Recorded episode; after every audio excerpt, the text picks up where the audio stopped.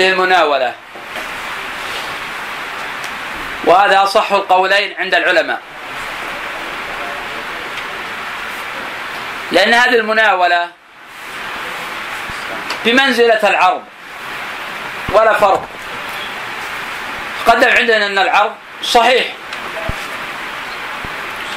وهذه المناولة أيضا لا تختلف على التحديث. وأي فرق بين كون المحدث يقرأ عليك الحديث من كتبه وبين كونه يدفع إليك خطه بكتبه ويقول اروي هذا عني. وأما مسألة رواية ابن جريج عن عطاء الخرساني فهذه نعم من المسائل المختلف فيها بين أهل الحديث. فعلي المديني رحمه الله تعالى يقول عن هذه الرواية لا شيء. إنما دفع إليه كتبه. وهذا يحتمل أحد أمرين. ابن رجب ذكر احتمالا واحدا. وهذا الاحتمال هو أن عطان الخرساني لم يأذن لابن جريج بالرواية عنه. وهذا احتمال. والاحتمال الآخر لعل علي بن مديني يطعن في عطاء نفسه لأنه مختلف فيه. وهو ثقة على الصحيح وقد احتج به مالك رحمه الله تعالى. وفي البخاري من رواية ابن جريج عن عطاء عن ابن عباس في تفسير قول الله جل وعلا وقالوا لا تذرن آلهتكم. الآية.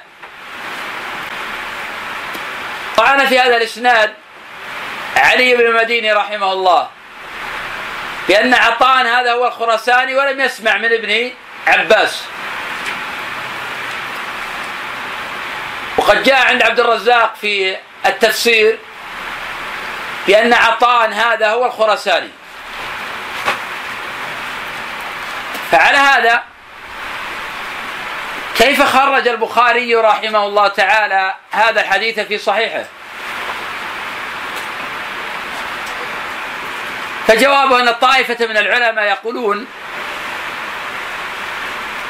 بحكم تخصص ابن جريج بعطاء ابن أبي رباح.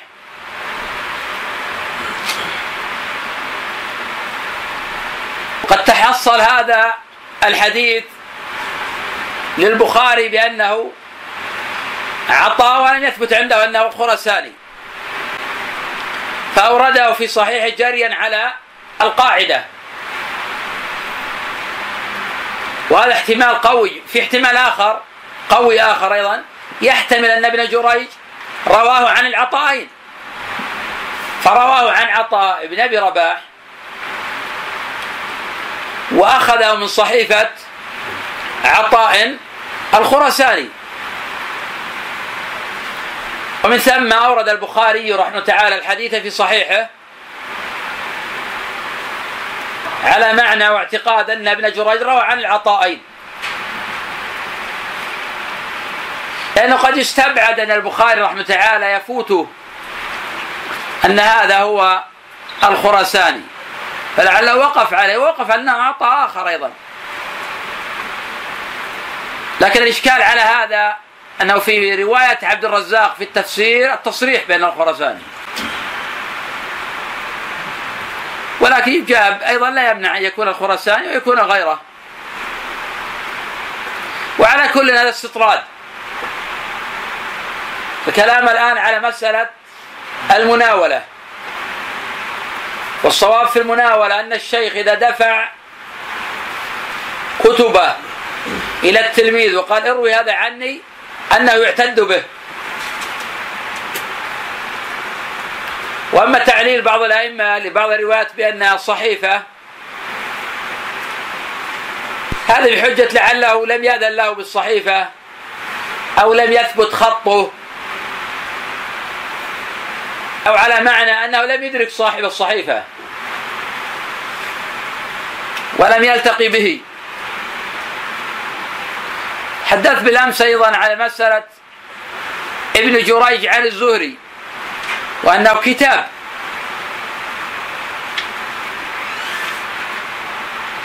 ومن ثم تكلم بعض العلماء في ذلك. فإن قيل طيب لماذا نحن نرد في الحديث رواية الحسن عن سمرة؟ وهي كتاب. ونقبل في حديث العقيقة لأن السمع والبقية كتاب لا نقبل ذلك. فالجواب أن هذا لم يثبت أنه كتاب. ما في أسانيد صحيحة يعتمد عليها. لو ثبت ذلك بأسانيد صحيحة قبلت. لما ثبت عندنا أنه سمع حديث العقيقة كما في البخاري وإن لم يكن الحديث مخرج عند البخاري عند أهل السنن. لكن السماع موجود في البخاري. والبقية لم يثبت سماعها. أما حديث نهى رسول الله صلى الله عليه وسلم عن المثلى قال الحسن حدثنا سمرة فهذا غلط ممن هو دون الحسن. ذكرت لكم أكثر من مرة أن المبارك بن فضالة يروي عن الحسن البصري فيجعل ذلك عمن روى عنه سماعا. وهذا كثير في مرويات الحسن البصري عن عمران بن حصين. والحسن البصري لم يسمع من عمران شيئا أبدا في أصح قولي العلماء. وهذا قول يحيى بن سعيد القطان وعلي بن المديني ويحيى بن معين وأحمد بن حنبل ومن الناس بعد هؤلاء. قيل للإمام أحمد رحمه الله حسن يقول حدثنا عمران. قال أحمد لا يقول هذا غير المبارك. أصحاب الحسن لا يقولون هذا. وحديث كثيرة يرويها يونس بن عبيد والثقة ثبت من أوثق الناس في الحسن البصري. عن عمران يذكرها بالعنعنة. لا يذكرها بالسماعات. وذاك الصواب أن الحسن لم يسمع من عمران بن حصين شيئا أبدا. كل حديث الحسن عن عمران معلوم بالانقطاع. ولم يسمع عن ابن عباس شيئا أبدا. ولم يسمع من أبي هريرة شيئا أبدا. ولم يسمع من سمرة إلا حديث العقيقة. نعم وسمع من أبي بكر ومن غيره سيأتي تقرير ذلك إن شاء الله في موطنه. نعم.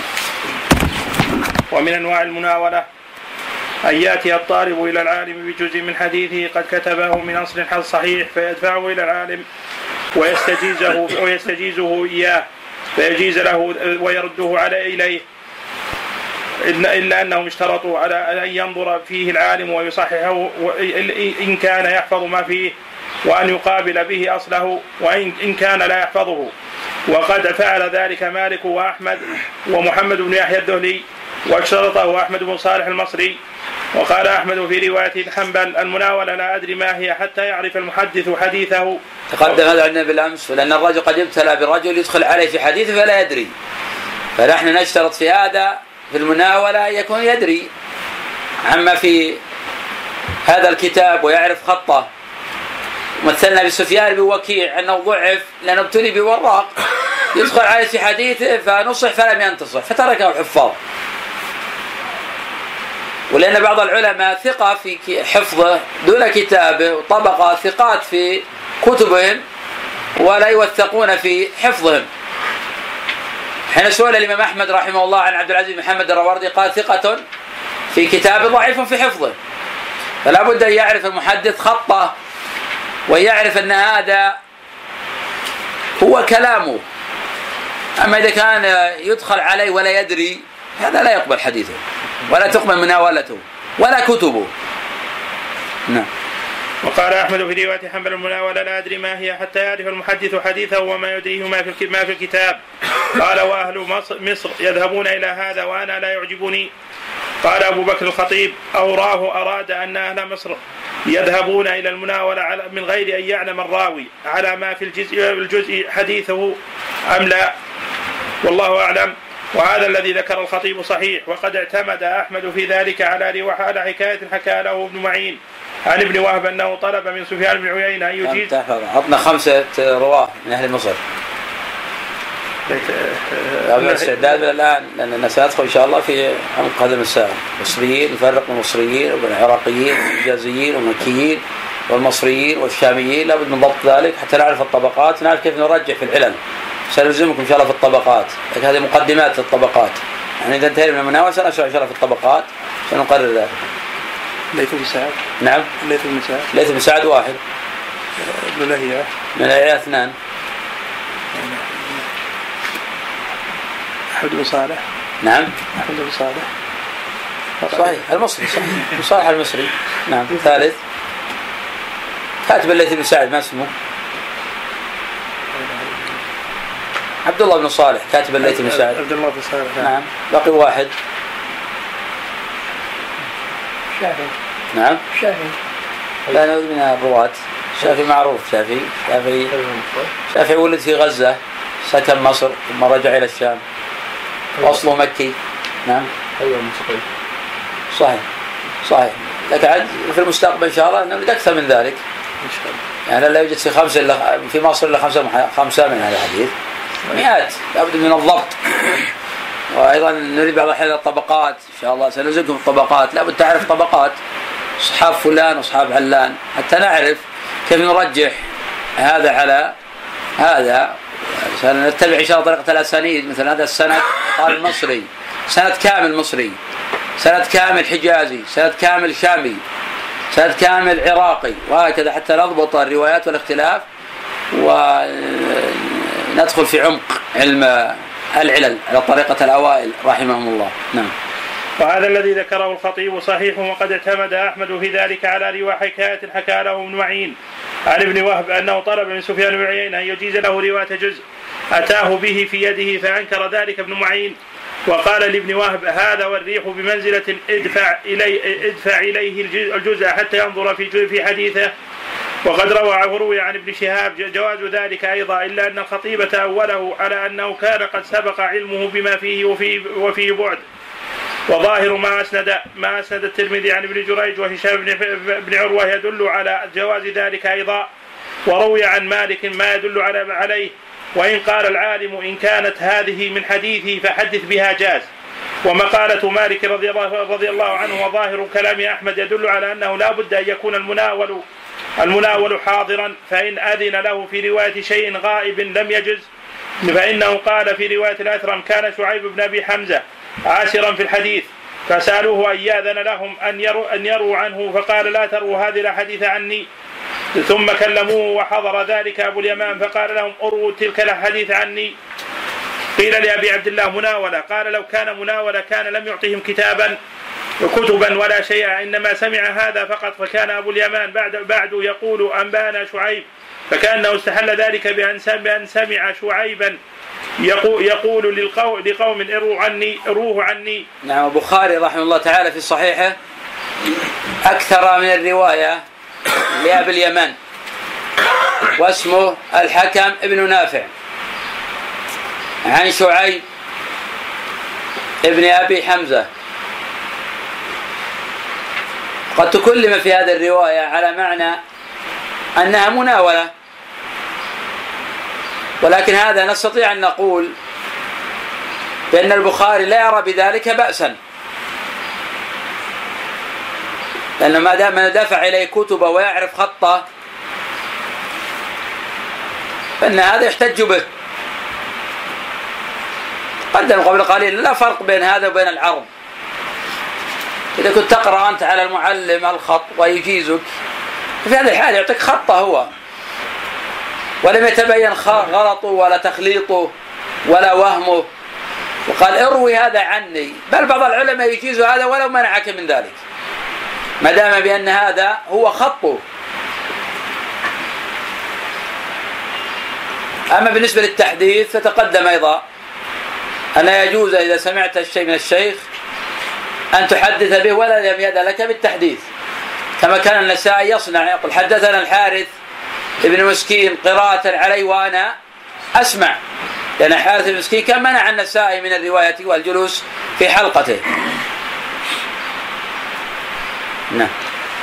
قال استحل ذلك شيء عجيب وذكر أحمد ذلك على وجه الإنكار على أبي اليمان. قبول حديث أبي اليمان وتخريجه وحديث أبي اليمان. عن شعيب متفق على تخريجه في الصحيحين وإذا كان حديث شعيب عنده معروفا وأذن لهم في روايته عنه فلا حاجة إلى إحضاره ومناولته بل هذه إجازة من غير مناولة. والحديث يعني رواه بدون نعم سواء سمينا مناولة أو إجازة يعني مقبولة. يعني أي فرق؟ طيب لو أجازك ألا تقبل الإجازة؟ نعم. آه معاوية حين كتب المغيرة بشعبة يسأله عن الذكر بعد السلام كتب إليه المغيرة والحديث الصحيحين. حديث الصحيحين. هذه مكاتبة. هذه مكاتبة مقبولة والعرض تقدم إلى حديث الضمام في الصحيحين. وقال رسولك زعم كذا؟ قال نعم. فما دام قبله وصحح له يكتفى بذلك. فهذه مناوله بمنزله مناوله بمنزله العرض. قد عندنا في الأسد العرض مقبول عند أكابر أهل الحديث. كذلك مناولة مقبولة مكاتبة مقبولة. المهم التأكد من الخط. فمعاوية رضي الله عنه كان يحدث عن المغيرة بالحديث الذي كتب له بهذا الحديث. نعم. والحديث الذي خرجه الترمذي عن الحسن يدل على جواز ذلك أيضا. إلا أن أبا اليمان كان يقول في الرواية بها أنبأنا وقد نهى, نهى عن ذلك الأوزاعي وأحمد بن صالح المصري ورخص فيه آخرون منهم مالك ورواه الوليد بن يزيد, بن يزيد عن الأوزاعي أيضا وقد روي عن أحمد أيضا عن أحمد أيضا. قال صالح بن أحمد الحافظ سمعت سمعت القاسم بن أبي صالح يقول سمعت إبراهيم بن الحسين يقول سمعت أبا اليمن الحكم بن نافع يقول قال لي أحمد بن حنبل كيف سمعت الكتب من شعيب بن أبي حمزة؟ قلت قرأت عليه بعضه وبعضه قرأه علي وبعضه أجازه لي أجاز لي وبعضه مناولة وبعضه مناولة. فقلت فقال قل في كله أنبانا شعيب. ونقل البرد البردعي عن أبي زرعة الرازي قال لم يسمع أبو اليمان من شعيب بن أبي حمزة إلا حديثا واحدا والباقي إجازة. ومن أنواع المناولة أن يكتب العالم إلى رجل بشيء من حديثه. قلنا أن اجازه لم يسمع حديثا واحدا أو قلنا بالقول اللي قبله. سمع حديث وقرأ عليه أحاديث وناوله أحاديث وعرض عليه أحاديث. لأن بعض العلماء اعتذر عن البخاري قال لعله ما لم يخرج إلا ما سمع منه. وهذا محتمل.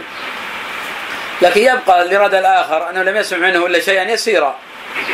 حتى جزم بعض المحدثين لم يسمع إلا حديثا واحدا فقط.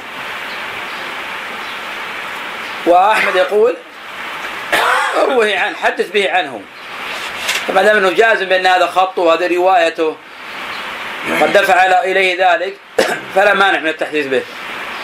وهذا احتجاج الشيخين بذلك. نعم. ومن أنواع المناولة أن يكتب العالم إلى رجل بشيء من حديثه ويختمه ويأذن له في روايته عنه ويدون المناولة من يده. وقد روي بها وقد روي روي بها خلق كثير قد وقد روى بها خلق كثير من جملة من جلة السلف والخلف. وقال أيوب وشعبة ومنصور وغيرهم إذا إذا كتب إليك العالم فقد حدثك. قال ابن وهب كان يحيى بن سعيد يكتب إلى الليث بن سعد. فيقول الليث حدثني يحيى بن سعيد وكان هشام يكتب إليه فيقول حدثني هشام. العجيب أن الخلاف هنا أسهل من الخلاف هناك. مع أنه يكتب لك بخطه ولو لم يأذن لك بالتحديث فتقبل ترويه عنه. كما في حديث المغيرة في الصحيحين. وفي المناولة خلاف قوي. مع أنه يناولك خطة. فيقول اروي عني. ومع ذلك بعض العلماء يمنع من ذلك. نعم.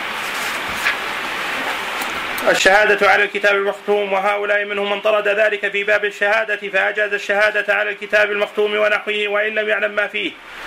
و... وإن وإن لم يعلم ما فيه. إيه، نعم. يعني هذا قول. نعم. نعم. ما فيه تقدر عندنا قول مالك رحمه في الصك نعم. يحتج به على العرض يقول هذا صك يقول نعم. يعني إذا عرف الخط اكتفى بذلك. بعض العلماء يتساهل في ذلك. يعني يفرقون بين الشهادة وبين الرواية.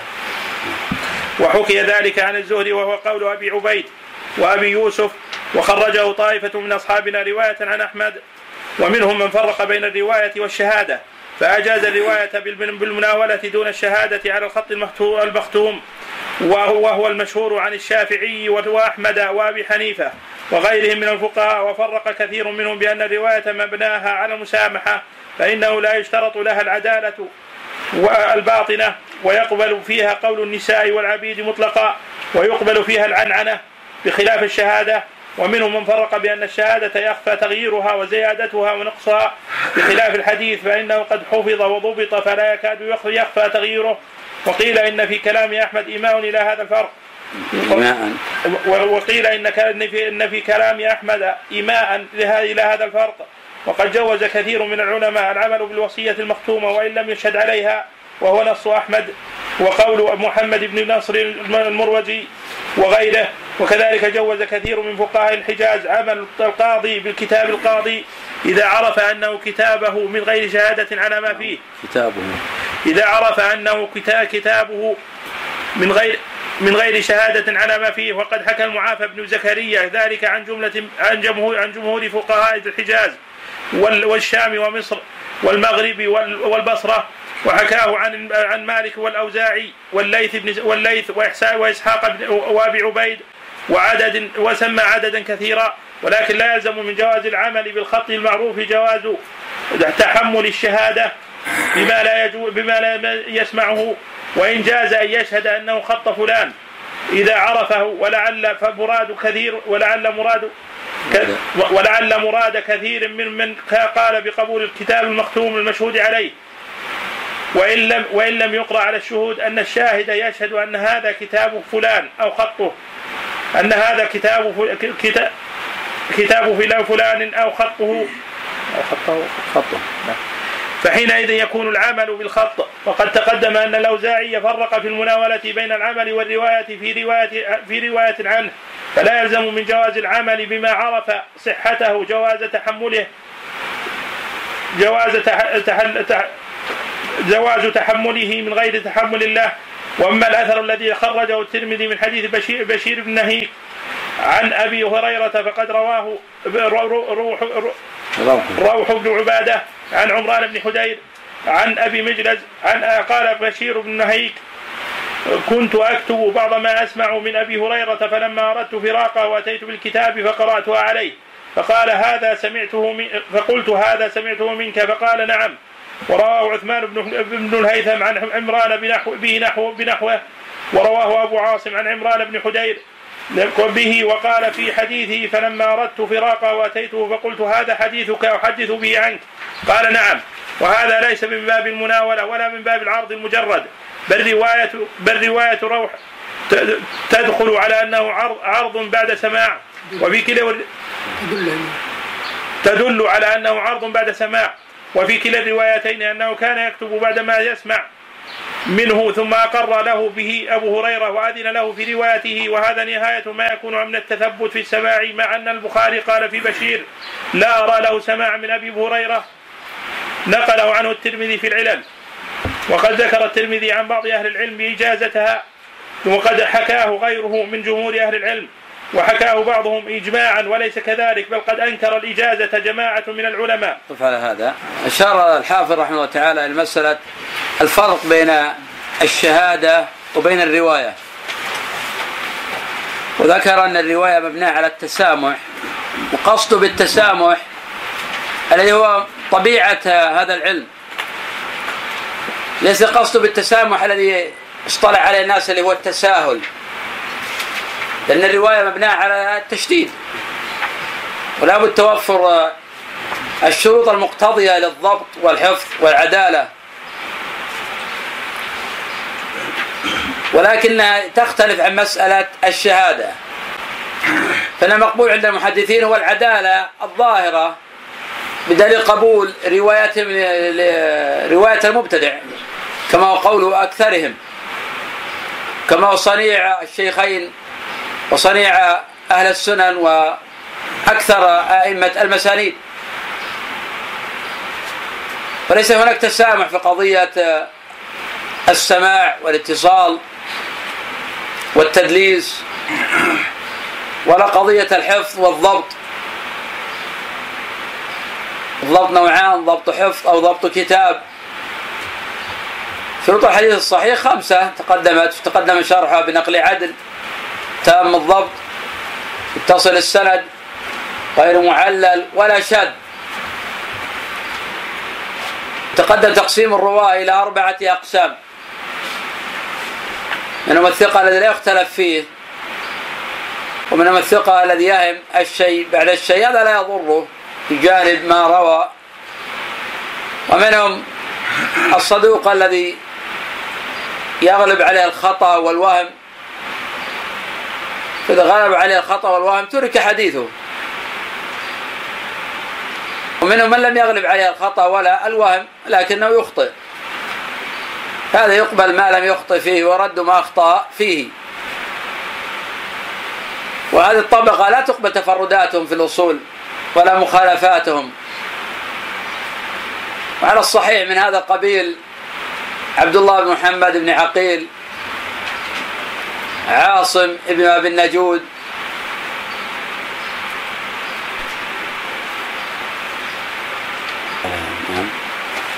الله عنك. الحمد لله رب العالمين والصلاة والسلام على أشرف الأنبياء والمرسلين نبينا محمد وعلى آله وصحبه أجمعين. اللهم اغفر لنا شيخنا الحاضرين والدينا والديهم والمسلمين أجمعين. قال رحمنا الله وإياه وما وصف الله به نفسه في في أعظم آية في كتابه العزيز حيث يقول الله لا إله إلا هو الحي القيوم لا تأخذه سنة ولا نوم له ما في السماوات وما في الأرض من ذا الذي يشفع عنده إلا بإذنه يعلم ما بين أيديهم وما خلفهم ولا يحيطون بشيء من علمه إلا بما شاء. ولا يؤود ولا وسع صلى الله وسلم على نبينا محمد وعلى آله وصحبه وسلم تسليما كثيرا. الشيخ رحمه الله تعالى ختم بهذا المقطع الأصول المتفق عليها بين أهل السنة والجماعة.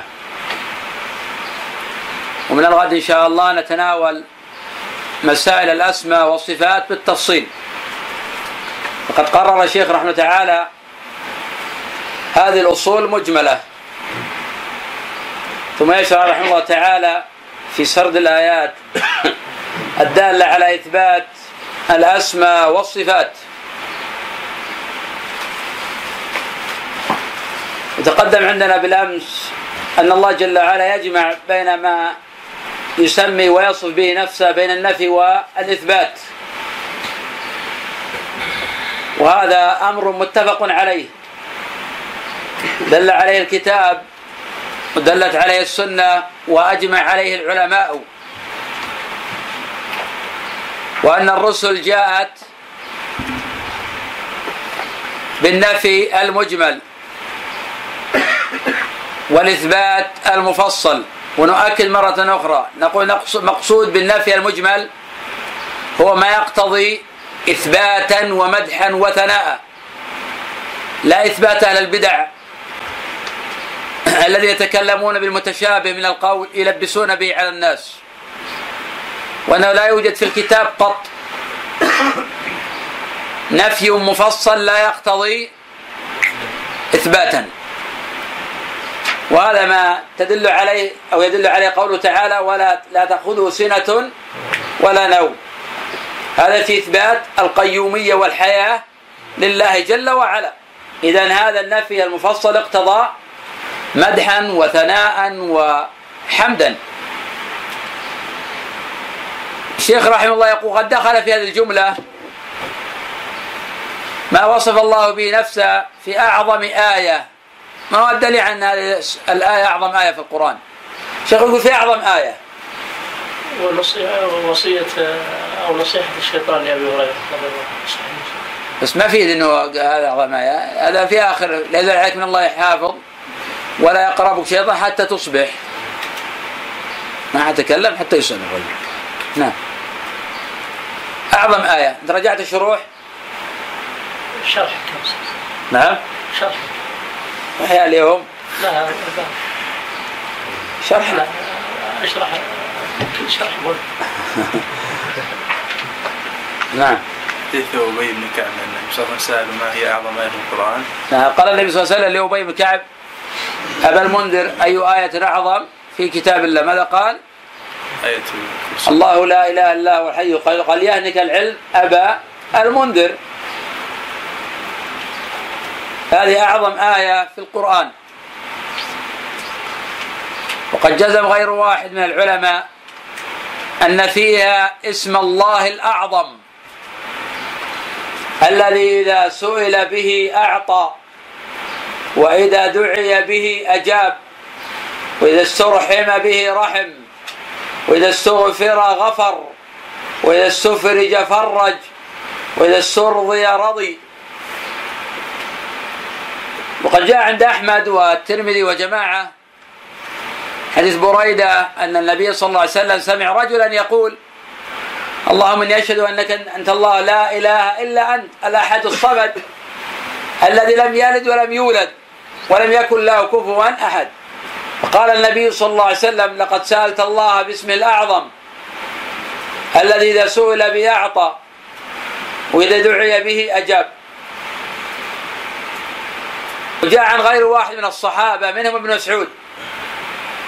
أن اسم الله الأعظم في سورة البقرة وآل عمران. سورة البقرة في هذه الآية سورة آل عمران في أولها. الله لا إله إلا هو الحي القيوم. لأن في هاتين الآيتين أعظم كلمة وهي كلمة الإخلاص.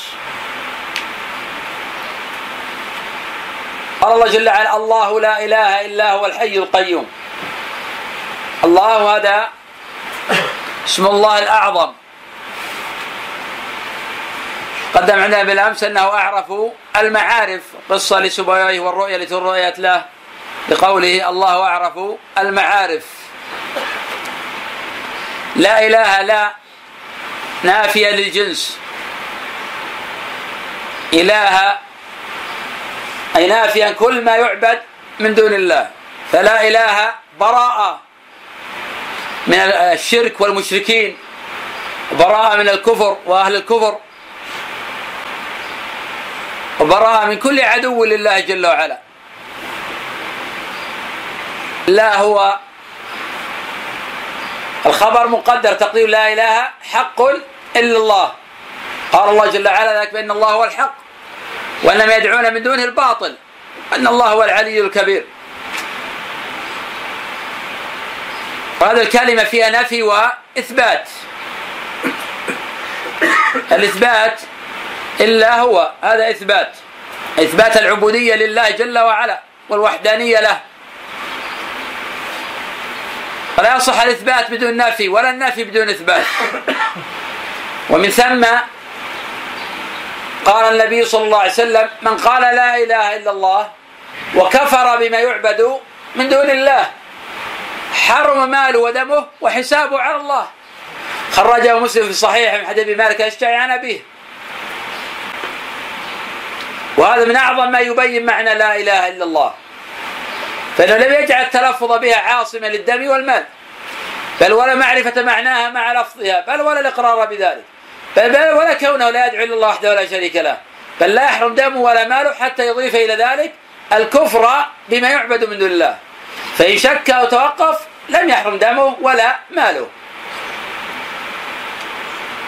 قوله الحي القيوم. الحي اسم الله وصفته. وهذا أحد الأسماء المثبتة عند الأشاعرة أيضا. أن الأشاعرة لا يثبتون لله إلا سبع صفات وأهل السنة يثبتون لله كل ما سمى وما وصف الله به نفسه أو وصفه به رسوله صلى الله عليه وسلم إثباتا بلا تمثيل وتنزيها بلا تعطيل. ما هي الصفة السبع يثبت الأشاعرة؟ العلم العلم والحياة والحياة والقدرة والقدرة والسمع والسمع والبصر والبصر وال العلم والحياة والقدرة والسمع والبصر والكلام. والكلام باقي واحد. نعم. الإرادة. الإرادة والمشيئة. هل إثبات الأشاعرة للصفات السبع كإثبات أهل السنة؟ كإثبات أهل الأشاعرة أهل السنة ولا أهل البدع الأشاعرة؟ البدع. وأهل الضلال نعم. لا يثبتون. نعم. لا يثبتونها لا يثبتون إثبات أهل السنة. أنهم عندهم شيء من التفويض. طيب إثبات السبع ماذا يعني؟ ونفي ما عداها. كيف نحاجه؟ إذا هذا خاصم الأشعري. كيف نحاج الأشعري لأن إحنا قلت لك دائما لازم الحديث على الأشاعرة لأنهم الأكثر شيوعا. وذلك الجميع جميع الجامعات الآن في العالم الاسلامي تدرس المذهب الاشعري ما عدا الجامعات في بلاد تدرس مذهب أهل السنة. والبقية يدرسون المذهب الاشعري ويسمونه مذهب أهل السنة ما يسمونه مذهب الاشاعره قلت لكم إذا قال النووي في شروحه والقرطبي والمازري والعز بن عزيز قال أهل السنة يقصد الاشاعره ما يقصد أهل السنة اللي تعرف. يسمون علماء الاشاعره لأن يسمون أنفسهم أهل السنة هم. كيف نرد عليهم؟ نرد عليهم كما أثبت السابع. يلزم يثبت لأنه يقول ما عدا ذلك يقتل تشبيها أو تمثيلا نقول كما أن هذه بلا تشبيه بلا تشبيه؟ طيب بلا تشبيه. وإذا كان يقتضي الإثبات الآخر بتشبيه إذا يعني أن إثباتكم في تشبيه. فلا بد من ذلك فلا بد من التناقض أو إثبات ما أثبته الله جل وعلا لنفسه. الله لا اله الا هو الحي القيوم. القيوم القائم بنفسه وقام به غيره. وماذا يعني القيوم؟ القيوم اسم اسماء الله طبعا. وصفة أيضا من صفاته. ماذا يعني؟ قائم بنفسه قائم ما في شيء آخر يعني؟ كمال دوام الحياة. نعم في كمال؟ قيام على اي هذه مقتضيات هذا الاسم. ما في شيء آخر؟ نعم. يعني في إثبات أيضا القدرة لله. إثبات الإرادة لله جل وعلا. إثبات المشيئة لله جل وعلا. لأن إذا إثبتنا الاسم نثبت المقتضيات المتعلقة بذلك. ولذلك من أعظم العبودية لله أن تتعبد الله بمقتضيات الأسماء والصفات. حين تعلم أن الله قدير تراقب الله في قدرته. تعلم أن الله سميع تراقب الله أن الله يسمعك. ان تعتقد أن الله بصير تراقب الله. ما تعصيه وهو يراك؟ تراقب الله في هذه الأسماء تعمل آثارها في حياتك. حينئذ يولد هذا عندك الخوف من الله والرجاء لله والتعلق بالله. أكثر الناس يخافون من غير الله ما عندنا ذاك التعلق بقوة آه، الله وقدرة الله لأن عنده ضعف في هذا الجانب. لو كان عنده إيمان قوي بقدرة الله عرف أن الله سيكفي كل شيء. فلما الخوف المخلوق؟ وأنت تعلم تعلم أن الله على كل شيء قدير. وكما قال النبي صلى الله عليه وسلم مسعود يعذب عبده. لله أقدر عليك من قدرتك على عبدك. إلى أن أعتق والحديث في مسلم. فالإنسان يعلم هذه الأشياء تعبد الله جل وعلا بآثارها. يتولد عنده الإيمان القوي والراسخ واليقين والثبات على هذه العقائد الثابتة. لا تأخذه سنة ولا نوم. لا تأخذه سنة ولا نوم. السنة النعاس ويقل النوم. فهذا من النفي المفصل. ولكن قلنا يقتضي مدحا وثناء واثباتا. هذا يقتضي الحياة لله جل وعلا والقيومية لله جل وعلا. له ما في السماوات وما في الأرض. في هذا نفي النقائص عن الله. لأن النوم من النقائص عن الله لله جل وعلا فلا نثبت لله جل وعلا. بل نفيه. قال صلى الله عليه وسلم إن الله لا ينام ولا ينبغي له أن ينام. رواه مسلم في صحيحه. والله يقول لا تأخذه سنة ولا نوم. له ما في السماوات وما في الأرض في إثبات قدرة الله جل وعلا. يعلم ما بين أيديهم وما خلفهم في إثبات العلم لله جل وعلا. وإحاطة بكل شيء. قال الله جل وعلا ذلك لتعلموا أن الله على كل شيء قدير وأن الله قد أحاط بكل شيء علما. ولا يحيطون بشيء من علمه. نفى الله جل وعلا عن العباد. أن أن يكون أن يكونوا محيطين. بشيء من علمه إلا بما شاء. قال الله جل وعلا وما تشاءون إلا أن يشاء الله رب العالمين. وسع كرسيه السماوات والأرض. ثبت عن ابن عباس بسند صحيح عند الدارمي في رد على المريسي أن الكرسي موضع القدمين. وهذا قول ابن عباس لا مجال للاجتهاد فيه. ولا يقال من قبل الرأي. وإسناده صحيح. إثبات عظمة الله جل وعلا. في إثبات الصفات لله جل وعلا. إثباتا بلا تمثيل وتنزيها بلا تعطيل. لأن الله جل وعلا ليس كمثل شيء هو السميع البصير. يعلم ما بين إلا وسع كرسي السماوات والأرض ولا يؤوده حفظهما. شيخ فسر ولا يؤوده حفظهما قال لا يكرثه ولا يثقله في إثبات عظمة الله إثبات قدرة الله. وفي إثبات حفظ الله جل وعلا. وهو العلي العظيم. علو القدر. وعلو الشرف. وعلو الذات. وهذا هو الفيصل بين أهل السنة وبين أهل البدع. جميع الطوائف المنحرفة بدءا بالأشاعرة وانتهاء بالجهمية لا يثبتون علو الله على خلقه ولا يؤمنون باستوائه على عرشه. يفسرون الاستواء بالاستيلاء. الله مستولى على كل شيء. لماذا يخص العرش بذلك؟ ولا يثبتون علو الله على خلقه. مع أن الله فطر العباد على العلو. الإنسان يجد الضرورة في نفسه؟ حين يريد يدعو يرفع بصره إلى السماء لأن الله في السماء. والله يقول آمنتم من في السماء؟ النبي صلى الله عليه وسلم قال للجارية أين الله؟ أين الله؟ ماذا قالت؟ قالت في السماء. قال اعتقها فإنها مؤمنة. اعتقها فإن استدل بإيمانها على إثبات العلو. حتى أهل الجاهلية في جاهليتهم. حين تنظر في أشعارهم يثبتون علو الله على خلقه. هذا أمية وقد مات على شركه. قال مجد الله فهو لمجد أهل. ربنا في السماء أمس كبيرا.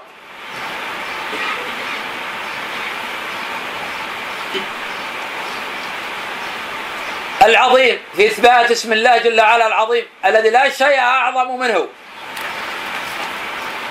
فاسمه العظيم وصفته العظمة.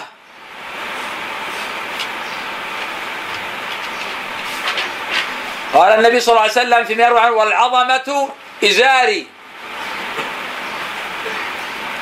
ومن عرف بأن الله عظيم لاذ بجنابه وتعلق به وفوض أمره إليه وتوكل عليه. ولجأ إليه وأناب إليه وأخلص العمل له ولم يلتفت إلى المخلوق لا يمنه ولا يسرى. لأن نواصي العباد بيد الله. قال الشيخ رحمه الله تعالى ولهذا كان من قرأ هذه الآية في ليلة لم يزل عليه من الله حافظ ولا يقرب شيطان حتى يصبح. وهذا في البخاري. بقوله قال لنا عثمان اختلف هل هذه صيغة تحديث أم لا. الذي جزم به الأكثر أن هذا يعتبر من موصولا في البخاري. ولكن قيل هذا مما يأخذ البخاري من شيوخ في المذاكرات. والله أعلم.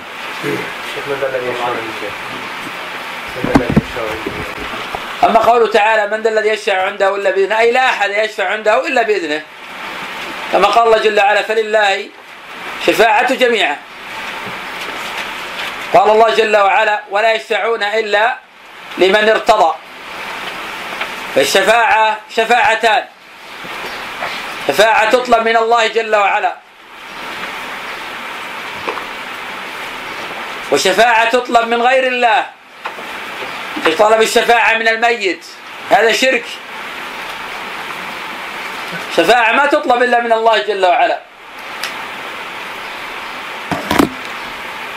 ولذلك أتى الله جل وعلا بالحصر في قوله قل لله الشفاعة جميعا. لله خبر جار مجرور خبر مقدم. قدم الخبر لإفادة الحصر. الشفاعة مبتدأ مؤخر. وقال تعالى ولا يشفعون إلا لمن ارتضى.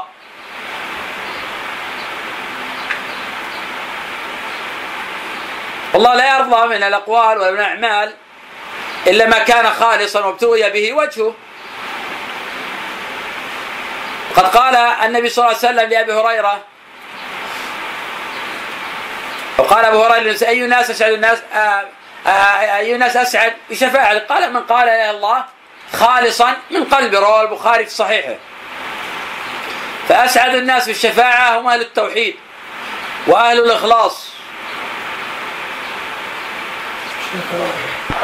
وسلم وبارك على نبينا محمد وعلى آله وصحبه أجمعين. قال رحمه الله وشيخنا والحاضرين الشرط الثالث النية.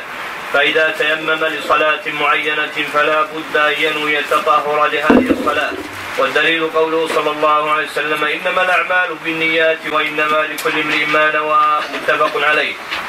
قال رحمه الله فإن تيمم لنافلة لم يصل به فرضا واستدل أصحاب هذا القول بالحديث السابق قالوا فلا يباح الفرض حتى ين فلا يباح الفرض حتى ينويه عند التيمم. نعم هذا على معنى أن التيمم مبيح لا رافع.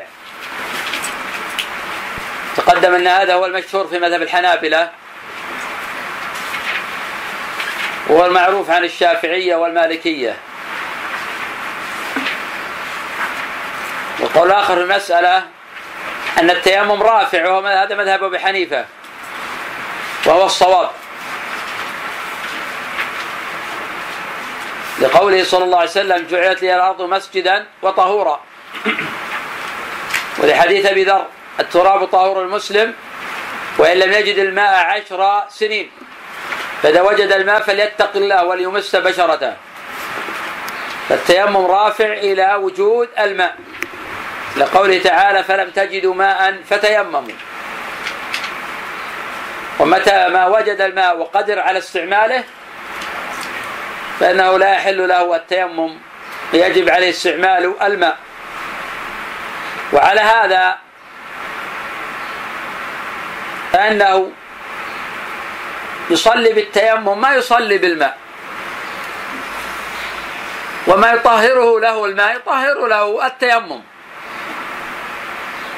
لأن النبي صلى الله عليه وسلم سمى ذلك طهورا. جعلت لي الأرض مسجدا وطهورا.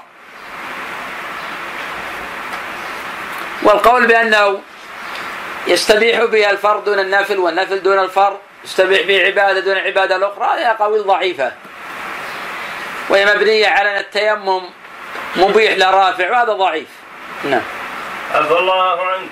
قال رحمه الله وإن تيمم لفريضة فله فعلها وفعل ما شاء من الفرائض والنوافل حتى يخرج وقتها وقد استدل وقد استدل لهذا القول بما روي عن عن ابن عباس رضي الله عنهما أنه قال من السنة ألا يصلي الرجل بالتيمم إلا صلاة واحدة ثم يتيمم للصلاة الأخرى. نعم هذا ضعيف عن ابن عباس ولا يصح.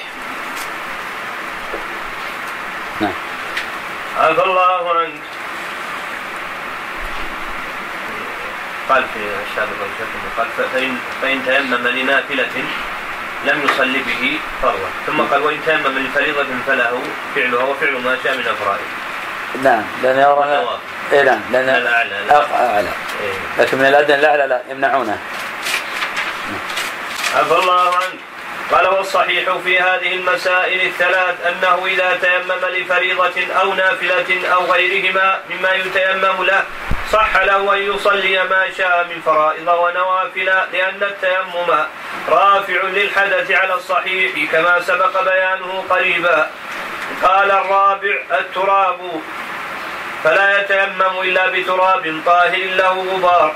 وقد استدل لهذا القول بقوله تعالى وإن كنتم مرضى على سفر أو جاء أحد منكم من الغائط أو لامستم النساء فلم تجدوا ماء فتيمموا صعيدا طيبا فامسحوا بوجوهكم وأيديكم منه ما يريد الله ليجعل عليكم من حرج ولكن يريد ليطهركم وليتم نعمته عليكم لعلكم تشكرون قالوا والمراد بصعيد التراب الذي له غبار وذهب بعض أهل العلم إلى أنه يجوز التيمم بكل ما على وجه الأرض من تراب ورمل وأحجار وجص وغيرها. وهذه مسألة خلاف. هل يجب التيمم بالتراب فلا يجزي غيره؟ أم يجوز التيمم بكل ما على على وجه الأرض مما هو من جنس الأرض؟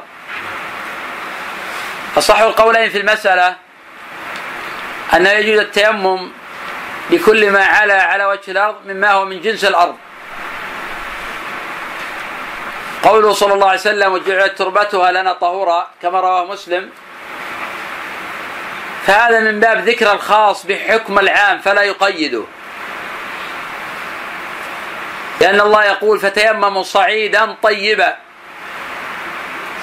قال أبو إسحاق الزجاجي وهو أحد أكابر أئمة أهل اللغة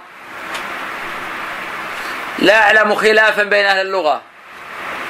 أن الصعيد هو ما على على وجه الأرض. كما قال تعالى فتصبح صعيدا زلقا. وهذا الذي ذهب إليه جماعة من الأئمة كأبي حنيفة ومالك ورواية عن أحمد. وليست هي المشهورة في مذهبه. نعم. إذا صار بالغبار. أي مكان بالغبار؟ ما يجزئ. إلا يجزي هذا. كان إذا كان ما كان فيه. نعم. مثلا بلاط وغبار إذا كان في غبار أجزاء. خلاص. غبار. يا شيخ الفرشة يا شيخ. نعم. الفرشة ال- الفرشة ليست من جنس الأرض. إذا وجد فيها غبار لأجل الغبار. لا لأجل الفرشة. ولا الفرشة ليست من جنس الأرض. لابد من جنس الأرض كالحصى وغيره. كيف يستخدم غبار ولا شيء نعم. إذا كان من جنس الأرض لا لم يكن فيه غبار. أهم شيء يكون فيه شيء من جنس الأرض. الشيخ ما يوجد المستشفيات الحين إنه في في غبار. في غبار خلاص إذا وجد فيه غبار يكفي. الغبار هو المطلوب. ما يشترط فيه إذا لم يوجد لكن نعم. ما يشترط ان التراب يعرف من لا ما نشترط التراب. ما نشترط التراب. لأن قال فتيمم صعيدا. طيب فتصبح صعيدا زلقا. يعني ملسى نعم. عفى الله. نعم. عنك هذا السيراميك من جنس الأرض. نعم. السيراميك والبلاط. إذا كان فيها غبار نعم وليست من جنس الأرض. مصنوع يا شيخ من الماء نعم. هي مصنوعة لكن ملسى قصد ت- ت- تلميع وتلميسها إذا كان من جنس الأرض معكوسة ما في مانع. جنس الأرض. ما في أسمنت هذه. صلى الله عليك شيخ. نفخ التراب من السنة. نفخ التراب إذا كان كثيرا نعم. يكون النبي نفخ التراب. أما إذا كان قليلا ما ندعي تنفخه لأن لابد يعلق شيء من هذا في الوجه. لأن الله قال فامسحوا بوجوهكم وأيديكم منه. منه هنا تبعيضية. فإذا لابد يكون جزء في شيء جزء يمسح. لأن قال منه من هنا تبعيضية. عفى الله عنك وذهب بعض أهل العلم إلى أنه يجوز التيمم بكل ما على وجه الأرض من تراب ورمل وأحجار وجص وغيرها والسد واستدلوا بما رواه جابر بن عبد الله عن النبي صلى الله عليه وسلم أنه قال أعطيت خمسا لم يعطهن أحد قبلي وذكر منها وجعلت لي الأرض مسجدا وطهورا رواه البخاري ومسلم وهذا هو الأقرب. نعم يعني كل ما كان من جنس الأرض. كل ما كان من جنس الأرض. نعم. وعليه فإنه يجوز التيمم على جدار الإسمنت وعلى البلاط. هذا إذا كان من جنس الأرض ولا فيمنع؟ يشترط أن يكون من جنس الأرض. بمعنى لو كان البلاط أملس. البلاط أملس ما في شيء من الغبار. قد يمنع من هذا لأن البلاط ليس من جنس الأرض. نعم. عفى الله عنك ولو لم يكن عليهما غبار لأنهما يتكونان من أحجار وتراب وغيرهما مما على وجه الأرض. إذا على على وجه الأرض لا بأس حتى الشجر. الشجر لو على على وجه الأرض في شيء يجوز المسح عليه إذا كان من جنس الأرض. نعم. ولا يجوز التيمم على الجدار الذي عليه دهان بويا ولا على الفرش لأنها ليست مما على وجه الأرض لكن إن كان على شيء منها غبار جاز التيمم عليه لأن الغبار تراب. نعم لأن النبي صلى الله عليه وسلم ضرب على جدار الطين وتيمم. وهذا دليل. مع أن جدار الطين ليس ترابا. ليس ترابا إنما المقصود الغبار. نعم. عفى الله عنك أما اشتراط كون ما يتيمم به طاهرا فهو طاهر أما اشتراط كون ما يتيمم به طاهرا فهو مجمع عليه بين بين عامة أهل العلم. قال رحمه الله ويبطل التيمم ويبطل التيمم ما يبطل طهارة الماء. عندك طاهر طاهر نعم الخبر كان. ما يصح الرفع.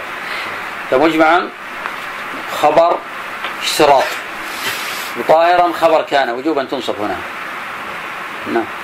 عفى الله عنك. قال وي وي أعد العبارة أما اشتراط أما اشتراط كون ما يتيمم به طاهرا. نعم طاهرا خبر كان. فمجمع، خبر اشتراط. نعم. فهو مجمع عليه بين عامة أه- أهل العلم. قال رحمه الله ويبطل التيم ويبطل التيم ويبطل التيمم. ما يبطل طهارة الماء لأن طهارة التيمم بدل عن طهارة الماء فيبطلها ما يبطلها وهذا مجمع عليه. يزاد على هذا ويبطل التيمم وجود الماء. زاد على هذا يبطل التيمم وجود الماء. فمتى ما وجد الماء بطل التيمم. لقوله في الحديث فليتق الله وليمسه بشرته. تقدم بالأمس ولو كان في الصلاة يجب عليه قطعها. أما إذا فرغ من الصلاة فلا يعيد ما مضى. يعتبر كل ما مضى صحيحا. ولقول الله جل وعلا فلم تجدوا ماء فتيمموا. هذا واجد الماء نعم. عفى الله عنك. قال وي- ويبطل التيمم ويبطل التيمم أيضا خروج الوقت وقد استدلها وقد استد- استدل لهذا القول بما روي عن ابن عباس رضي الله خروج عنه. الوقت تقدم عندنا أنه ضعيف. قدم انه ضعيف انه مبني على أنه مبيح هذا ضعيف. صواب أنه رافع إلى وجود الماء. نعم. عفوا عنك انه قال من من السنة الا يصلي الرجل بالتيمم إلا صلاة واحدة ثم يتيمم للصلاه الاخرى وذهب بعض أهل العلم إلى أن التيمم لا يبطل بخروج الوقت لأن التيمم رافع للحدث فلا يعود الإنسان محدثا إلا بوجود ناقض وليس خروج الوقت منها وهذا هو الأقرب. قال ويبطله كذلك القدرة على استعمال الماء سواء كان ذلك لبرئه من المرض الذي منعه من استعمال الماء أو لوجود الماء أو لقدرته على تدفئة الماء في البرد الشديد بعد أن كان عاجزا عن ذلك أو لغير ذلك. والدليل قوله صلى الله عليه وسلم إن الصعيد الطيب طهور المسلم وإن لم يجد الماء عشر سنين فإذا وجد الماء فليمسه بشرته. فإن ذلك خير. وهذا أجمع عليه عامة أهل العلم. قال رحمه الله والقدرة على استعمال الماء تبطل تيممه وإن كان في الصلاة فيلزمه قطع قطع قطعها لبطلان طهارته. والدليل القياس على بطلان الطهارة بالقدرة على استعمال الماء قبل الصلاة. دليل النص إذا وجد الماء فليتق الله وليمسه بشرته. هذا الدليل. وأيضا القرآن ظهر القرآن قوله تعالى فلم تجدوا ماء فتيمموا. هذا واجد للماء. إذا وجد الماء بطل لكن لو صلى ما نأمر بإعادة الصلاة. لأن استصحب ذلك وقت عدم الماء أو وقت العجز عن استعماله. فبرخصة شرعية. فيكون كل ما فعل يكون صحيحا. ولكن كان جنوبا وتيمم وصلى عدد الصلوات يصح كل ما مضى. لكن إذا وجد ما يجب عليه يعيد الغسل ما نقول في المستقبل حدثت جنابه نقول يجب عليه يمس الماء بشرته وأن يعيد الغسل ولكن ما يعيد ما مضى من العبادات كله صحيحة وثابتة. لكن الغسل يجب عليه إعادته عفوا قال رحمه الله باب الحيض. قال وي قال وين نعم. لا إذا إذا وجد من يستطيع أن يوضع هل له أن يتيمم؟ نعم لا يتيمم لأنه لا يجب عليه قبول ذلك. لا يجب على أحد. شخص مريض يجد من ي- يوضئه ولكنه لا يرغب في ذلك. هذا من حقه. إن أذن ما في مانع لكن لا يجب عليه. لا يجب عليه. لأن مثل هذا عادة في منة. قد نفسه تعافوا ذلك. ولو كان ذلك زوجة أو غيرها لا يجب عليه. لكن لو فعله كان حسنا وجائزا. الله يكفيك. إذا كان في آخر الوقت وأتى الماء فهو يقضي إذا قطع الصلاة يذهب الوقت. على رأي ابن تيمية رحمه الله تعالى يستمر في ذلك ولا شيء عليه وهذا اختيار شيخ الإسلام ابن تيمية كذلك ذكر كذلك طبعا أنه إذا وجد كان ما عنده ماء قليل فيتوضأ بالماء ويكمل التيمم. نعم فإن كان عنده ماء يكفي بس وجهه والوجه واليد والكفين يت- ي- يبدأ بالتيمم يبدأ بالغسل بالوضوء بما يقدر عليه والباقي يتيمم له. يعني إذا كفى بس الوجه. إي نعم لأنه يفعل البعض من المأمور إن شق فعل السائر المأمور. أفلا قال باب الحيض ويمنع عشرة أشياء فعل الصلاة فيحرم على الحائض أن تصلي في زمن الحيض والدليل قوله صلى الله عليه وسلم إذا أقبلت الحيضة فدع الصلاة. رواه البخاري ومسلم وهذا مجمع عليه. نعم هذا من المقطوع به. ولا نزاع في بين العلماء. إن الحيض يمنع الصلاة.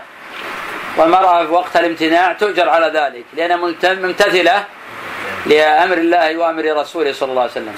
عفى الله عنك ويمنع وجوبها؟ أي أن الصلاة غير أن أي أن الصلاة غير واجبة عليها لأن الله قد أسقطها عنها فلا يجب على الحائض قضاء الصلاة التي تركتها وقت الحيض. وهذا مجمع عليه أيضا لا خلاف فيه. وقد أصبح من المقطوع به في الشريعة. نعم. والدليل ما رواه البخاري ومسلم عن عائشة قالت كانت إحدانا تحيض على عهد رسول الله صلى الله عليه وسلم فنؤمر فنؤمر بقضاء الصوم ولا نؤمر بقضاء الصلاة وهذا مجمع عليه. قال ويمنع فعل الصيام فلا يجوز للحائض أن تصوم. وقت الحيض والدليل حديث عائشة السابق وهذا الحكم مجمع عليه. ومجمع عليه أيضا أنها تقضي. ومجمع عليه أيضا انها تقضي لأن القضاء لا يشق. يترك سبعة أيام في العام ما يشق عليها بخلاف الصلاة. يلزمها أكثر من 35 صلاة ففي مشقة. نعم. عفى الله عنه قال ويمنع الطواف فلا يجوز لها أن تطوف بالكعبة المشرفة وهي حائض. لقوله صلى الله عليه وسلم غير لا تطوفي بالبيت ولكن سيأتي إن شاء الله في كتاب الحج. الصورة التي يذكرها ابن تيمية ونقررها في موضعها نعم عفى الله عنك والدليل ما رواه البخاري ومسلم عن عائشة قالت لبينا بالحج حتى إذا كنا بسرف. حضت فدخل علي رسول الله صلى الله عليه وسلم وأنا أبكي. فقال قال قلت نعم. قال هذا شيء كتبه الله على بنات آدم. افعلي ما يفعل الحاج. غير أن لا تطوفي بالبيت حتى تطهري. وهذا وهذا ويجوز للمرأة أن تغتسل أن تستعمل أدوية تمنع نزول الحيض لت- لتصوم رمضان في وقته. نعم شرط يشترط في هذا ألا يضرها. إذا قرر الطبيب ضررا على المرأة فتمنع من باب الضرر. وبعدين نتصور أن هذه المسألة حادثة وهذه مسألة قديمة سئل عنها الإمام أحمد رحمه الله حين سئل عن المرأة تستجلب الدورة لتعجل بعدتها. فأفتى رحمه الله تعالى بالجواز ما لم يكن في ذلك ضرر عليها. فذلك يجوز للمرأة أن تؤخر الدورة إذا استطاعت لتتأخر عدتها لعل زوجها يراجعها ولم تخشى الإضرار بالزوج. كانت هذه موجودة في عصور السلف وما كان يمنعون إلا لأجل الضرر. نعم. عفى الله عنك أو لتتمكن من الطواف مع رفقتها في الحج ونحو ذلك كما أنه يجوز لها أن تستعمل الأدوية التي تمنع الحمل فترة من الزمن من أجل ذلك أو من أجل تنظيم النسل إذا لم يكن في ذلك كله ضرر عليها ورضي به زوجها لما في ذلك من المصلحة لها ولأنه لا دليل على المنع من ذلك قال رحمه الله ويمنع قراءة ويمنع محمد وعلى آله وصحبه أجمعين. قال رحمه الله تعالى المسألة الرابعة الرواية بالإجازة من غير مناولة وقد ذكر الترمذي عن بعض أهل العلم إجازتها وقد حكاه غيره عن عن جمهور أهل العلم وحكاه بعضهم إجماعا وليس كذلك بل قد أنكر الإجازة جماعة من العلماء وحكي ذلك عن أبي زرعة وصالح بن أحمد بن محمد وإبراهيم الحربي وروى وروى وروى, وروى الربيع عن الشافعي أنه كره الإجازة قال الحاكم لقد كره لقد كرهت عند أكثر أئمة عند أكثر أئمة هذا الشأن والذين أنكروا الإجازة المطلقة منهم من رخ من رخص في المناولة وهو قول أحمد بن صالح المصري وروي أيضا مثله عن إبراهيم الحربي وأبي بكر البرقاني وظاهر كلام أحمد في رواية الأترمي في الأترمي في قصة رواية أبي اليمان. عن شعيب يدل على مثل ذلك إلا أنه إلا أن إلا أن يحمل يحمل إنكاره على أبي اليمان على إطلاقه لفظ الإخبار في الرواية بالإجازة لا على أصل الرواية بالإجازة وقد ذكرنا عنه رواية أخرى أنه أجاز لأبي اليمان إطلاق قوله أنبأنا فيما يرويه عن شعيب المناولة والإجازة. وهو قول كثير من كثير من السلف والخلف. وروي عن أحمد انه اجاز أن يقول حدثنا فيما يرويه بالاجازه وحكي وحكي أيضا عن مالك والليث بن سعد والثوري وغيرهم. تقدم هذا القول وانه قول قوي.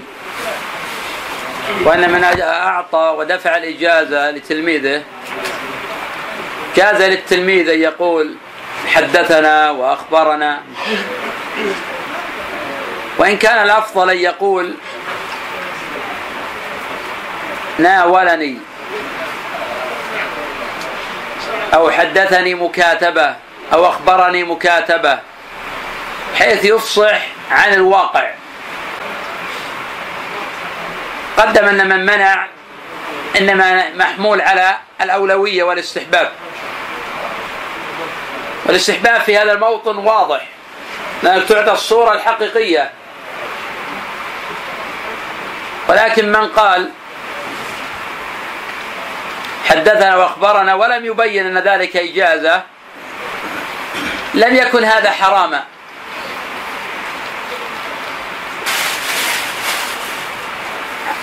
وتقدم بالامس شرح مسألة أبي اليمان. السلام. الحكم بن نافع. في مروياته عن شعيب ابن أبي حمزة. وأن بعض أحاديثه كانت مناولة.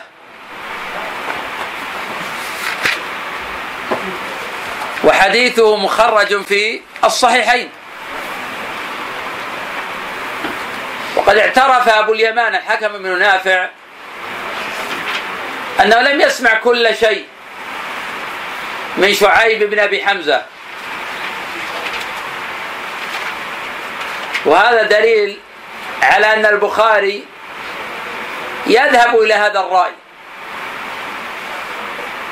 وأن المناولة والمكاتبة تعتبر سماعا. تقدم عندنا أيضا مسألة العرض. وأن التلميذ يقرأ كتب المعلم والمعلم يستمع. ثم يقر على كل ما قرأ ولا يستدرك عليه شيئا. أنه يجوز التلميذ أن يقول حدثنا وأخبرنا وأنبأنا. ولو قال قرأت عليه لكانها أدق. ولكن هذا لا يجب ولا يلزم. والإجازة أنواع إجازة مشافهة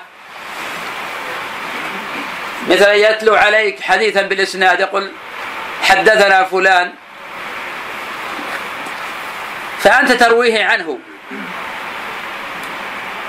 الإجازة في هذا العصر ما يقلل من شأنها لأن يتصل سندك بأسانيد الأئمة.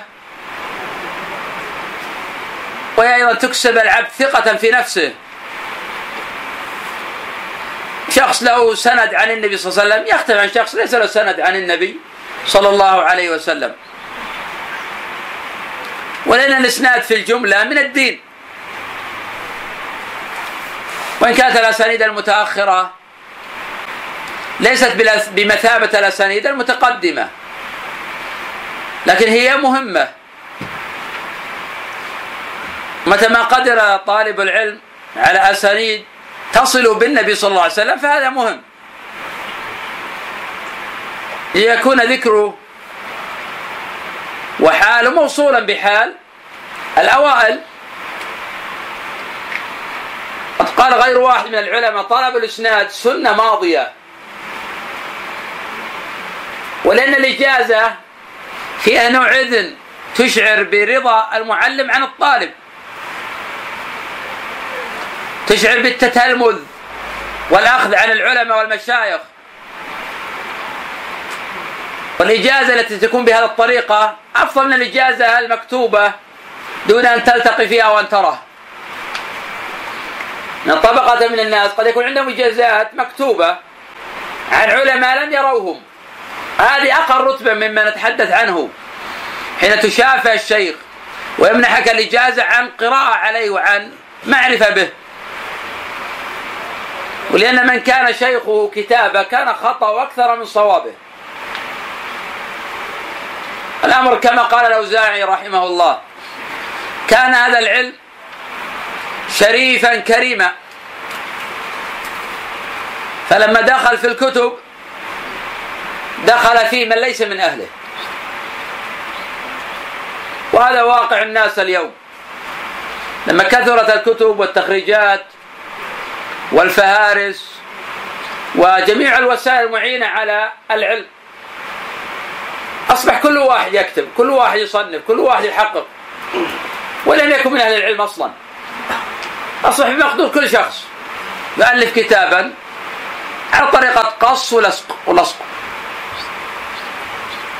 لكن العلم الذي يكون مبنيا على الفهم والدقة مبني على الحفظ على الضبط هذا يتفرد به قلائل في كل عصر.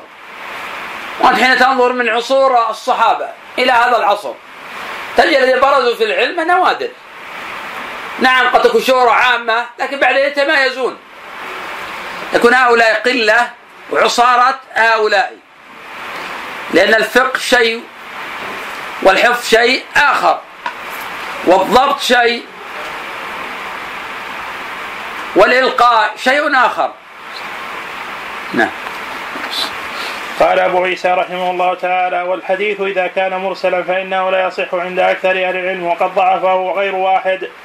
أخبرنا علي بن حجر. الترمذي رحمه الله تعالى يقول والحديث إذا كان مرسلا مرسلا فقد ضعفه غير واحد. أشرت أكثر من مرة أن الأوائل يقصدون بالمرسل المنقطع. فيدخل فيه كل ما كان منقطعا. يدخل فيه ما قال الحسن قال النبي صلى الله عليه وسلم. ويدخل فيه ما قال الحسن عن عمر. يدخل فيه المرسل الخاص الذي اصطلع عليه المتأخرون. ويدخل فيه ما اصطلع عليه المتأخرون بأنه منقطع. هذا المرسل عند الأوائل. ومن ثم سمى الإمام ابن أبي حاتم كتابه المراسيل. ذلك في الرواية عن أبيه. ويقصد كل حديث لم يتصل. فكل حديث لم يتصل عند الأوائل فإنه يسمى مرسلا. نعم. أخبرنا علي بن حجر أنبأنا بقية بن الوليد عن عتبة ابن أبي حكيم قال سمع الزهري إسحاق بن عبد الله ابن أبي فروة يقول قال رسول الله صلى الله عليه وسلم قال رسول الله صلى الله عليه وسلم فقال الزهري قاتلك الله.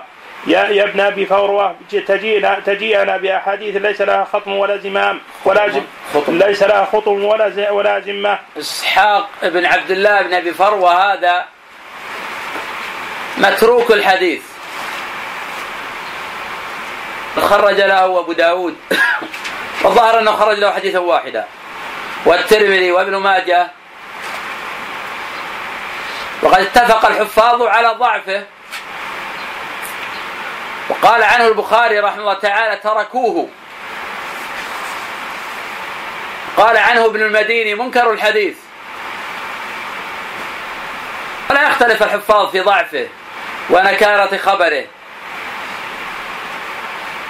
وأنه لا يوجد في إسناد إلا وكان متروكا. ومع هذا جاء بهذا الخبر غير مسند. وهو يروي عن التابعين يروي عن مجاهد وعن نافع مولى ابن عمر وعن هذه الطبقة. قد روى عنه الزهري والزهري أيضا من التابعين. نعم.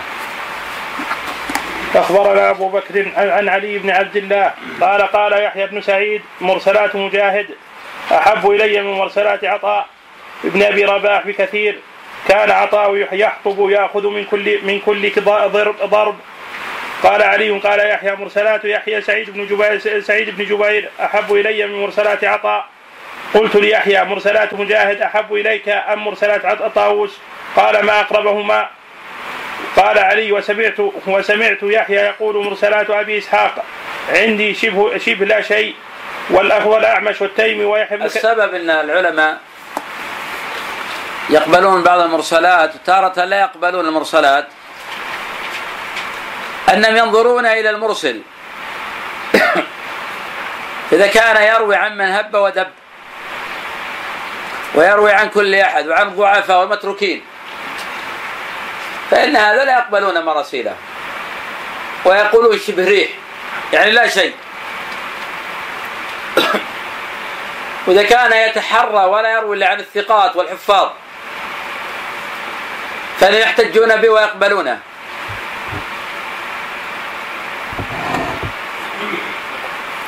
وإذا كان تارة يروي عن الثقات تارة يروي عن الضعفاء. توسطوا في أمره. سنتناول إن شاء الله جل وعلا في كلام أبي عيسى أقوى المراسيل. ولكن ينبغي التنبه. حين نتكلم عن الراسيل نقصد المنقطعات. لا نقصد من يروي عن النبي صلى الله عليه وسلم مباشرة. هذا نقصد ونقصد غيره. لكن ما نخص بالذكر كما مصطلح عند المتأخرين. وهذا من المصطلحات التي خالف فيها المتأخرون الأوائل. نعم. قال علي وسمعت يحيى يحيى يقول مرسلات أبي إسحاق عندي شبه لا شيء. والأعمش وال- والأعمش والتيمي ويحيى بن ابي كثير ومرسلات ابن عيينة شبه الريح نعم لأن هؤلاء يروون عن الضعفاء وعن المجاهيل. ولا يتقيدون بالرواية عن الثقات. والأعمش تارة يدلس أحاديث الثقات. ويسقط الضعفاء. وأبو إسحاق السبيعي أيضا يروي عن الضعفاء وعن المجاهيل ومثل يحيى ابن أبي كثير فإنه يروي عن الضعفاء وعن المجاهيل كعياض بن هلال وغيره. مثل هؤلاء مراسيلهم غير قوية. نعم. ثم قال أي والله وسفيان بن سعيد قلت ليحيى فمرسلات مالك؟ قال هي أحب إلي. ثم قال يحيى نعم مرسلة مالك أحب إلي لأن مالكا يتحرى ويدقق. ولم يكن له رواية عن المتروكين ولا عن الضعفاء وإنما روى عن عبد الكريم ابن أبي المخارق وعيب عليه ذلك. ولكن إذا بلغ الماء قلة لم يحمل الخبث وابن أبي المخارق ضعيف الحديث. قد سئل الإمام أحمد رحمه الله لماذا روى عنه مالك؟ قال غرته عبادته. ومالك رحمه الله يتقن حديث المدنيين. ولكن قد يخفى عليه أمر غير المدنيين.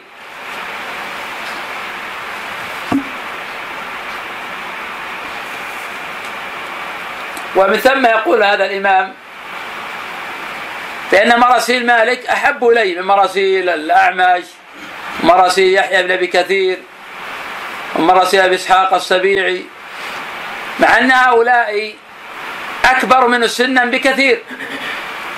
إسحاق السبيعي ولد سنة 32 ومالك رحمه الله تعالى ولد سنة 93 إسحاق السبيعي وطبقته من التابعين يروون عن بعض الصحابة. ومالك يروي عن التابعين لا يروي عن الصحابة. نعم. ثم قال يحيى ليس في القوم أحد أصح حديثا من مالك. وحدثنا سوار بن ابن عبد الله العنا- العنزي. قال سمعت يحيى بن سعيد. نعم. نعم. العنبري العنبري حدثنا. هنا الآن شق وثقه النسائي كل نسخ عندكم عنبري والد عبد العزيز العنزي. وعبد الله بن بصري القاضي ثقه النسائي نعم العنبري بعيد. ظاهر إنه العنزي ليس العنبري. نعم. قال سمعت يحيى بن سعيد القطان يقول ما قال الحسن في حديثه؟ قال رسول الله صلى الله عليه وسلم إلا وجدنا له أصلا إلا حديثا حديثين. قال أبو عيسى ومن ضعف المرسل فإنه ضعفه من قبل أن هؤلاء الأئمة قد حدثوا عن الثقات وغير الثقات. فإذا روى أحدهم حديثا وأرسله لعله أخذه من غير ثقة وقد تكلم الحسن البصري في معبد الجهني الجهني ثم روى عنه حدثنا بشر بن معاذ البصري حدثنا مرحوم بن عبد العزيز بن عبد العزيز العطار قال حدثني أبي وعمي قال سمعنا الحدث الحسن يقول إياكم ومعبد الجهني فإنه ضال مضل. قال أبو عيسى ويروى عن الشعبي قال حدثنا الحارث الأعور وكان كذابا وقد حدث عنه. الحارث الأعور آه، من أصحاب علي رضي الله عنهم. وكان سيء الحفظ. هو الذي روى عن علي الحديث المشهور في القرآن. قال له علي خذها يا أعور. وقول من قال كان كذابا يحتمل أنه يقصد كان كثير الخطأ. لأن الكذب يطلق على الخطأ. لأن جماعة من العلماء ينكرون أن يكون الحارث الأعور كذابا بمعنى يتقصد الكذب يتقصد الإخبار بخلاف الصدق. ويحتمل أن هذا اجتهاده يرى أنه كان يكذب. لكن في الحقيقة لم يثبت عن الحارث الأعور أنه كان يكذب. لكنه ضعيف الحديث لا يحتج بحديثه. ومثله جابر الجعفي ومعبد الجهني. هؤلاء لا يحتج بشيء من أحاديثهم. نعم. وكان كذابا وقد حدث عنه وأكثر الفرائض التي يرويها عن علي وغيره هي عنه. وقد قال الشعبي الحارث الأعور علمني الفرائض وكان من أفرض الناس. سمعت محمد بن بشار يقول سمعت عبد الرحمن بن مهدي عبد الرحمن بن مهدي يقول ألا تعجبون من سفيان بن عي... من سفيان بن عيينة؟ لقد تركت لجابر الجعفي بقوله لما روى عنه أكثر من ألف حديث ثم هو يحدث عنه. قدم عندنا أن جابر الجعفي يؤمن بالرجعة. هذا ما يطرح به حديثه ولا يقبل ويحتج به. نعم. قال محمد بن بشار وتركه عبد الرحمن بن مهدي. حديث جابر الجعفي الجعفي قال أبو سعيد ابو أبو عيسى وقد وقد احتج بعض أهل العلم المرسل أيضا. حدثنا أبو عبيدة بن أبي السفر الكوفي حدثنا سعيد بن عامر عن شعبة عن سليمان الأعمش قال قلت لإبراهيم النخعي أسند لي عن عبد الله بن مسعود فقال إبراهيم إذا حدثتك عن رجل عن عبد الله فهو الذي سميت وإذا قلت قال عبد الله فهو عن غير واحد عن عبد الله. نعم هذا دليل على أن مراسيل عن ابن مسعود قوية ومقبولة وصحيحة. وهذا الذي ذهب إليه جمع من أكابر الحفاظ. إبراهيم عن ابن مسعود منقطع. ولكنه إذا قال عن رجل فهو الذي يسميه. وإذا جمع فهم غير واحد. وكلهم ثقات. فلذلك جميع مرويات إبراهيم عن ابن مسعود صحيحة. وهذا أول مثال ربما نتناول الآن في مسألة الواسطة المعلومة. على حسب ما ذكره المؤلف ولا ذكرت لكم أكثر من مثال كمرويات أبي عبيدة ابن عبد الله ابن مسعود عن أبيه. ذكرت لكم قول يعقوب بن سفيان استجاز وإنما استجاز أهل الحديث إدخال حديث ابو عبيدة عن أبيه في المسند لمعرفة أبي عبيدة بأحاديث أبيه.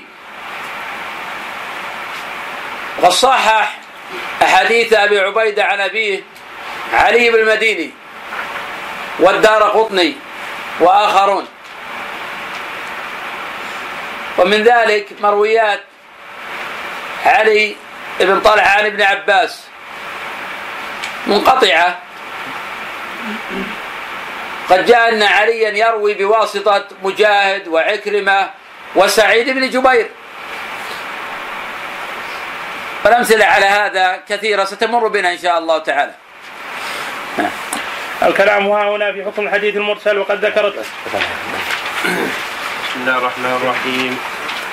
قال قال شيخ الإسلام ابن تيمية رحمه الله تعالى وقوله وعلى آله وصحبه أجمعين. قال رحمه الله تعالى الكلام ها هنا في حكم الحديث المرسل وقد ذكر الترمذي لأهل العلم فيه قولين أحدهما أنه لا يصح ومراده أنه لا يكون نعم أحدهما وأحدهما كلاهما صحيحان. نعم. احدهما أنه لا يصح ومراده أن أنه لا يكون حجة. وحكاه عن أكثر أهل الحديث وحكاه الحاكم عن جماعة أهل الحديث من الحجاز. وسمى منهم سعيد بن المسيب المسيب والزهري ومالك بن و ومالك بن أنس. نعم. هذا هو موجود والشافعي وأحمد. والأوزاعي والشافعي وأحمد.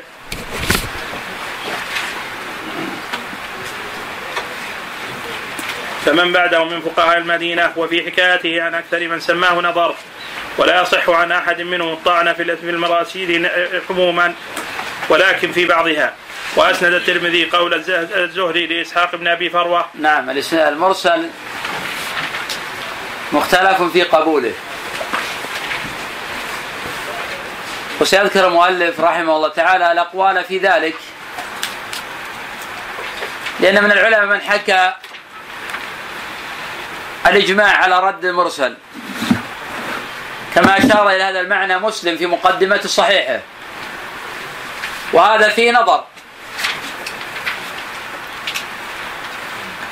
ومن العلماء من قال أن رد المرسل مطلقة بدعة حدثت بعد المئتين. وهذا قاله الحافظ ابن جرير رحمه الله.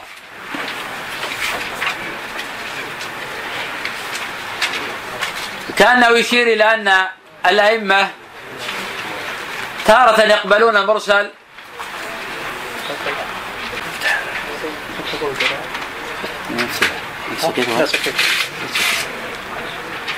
وتارة يقبلون المرسل.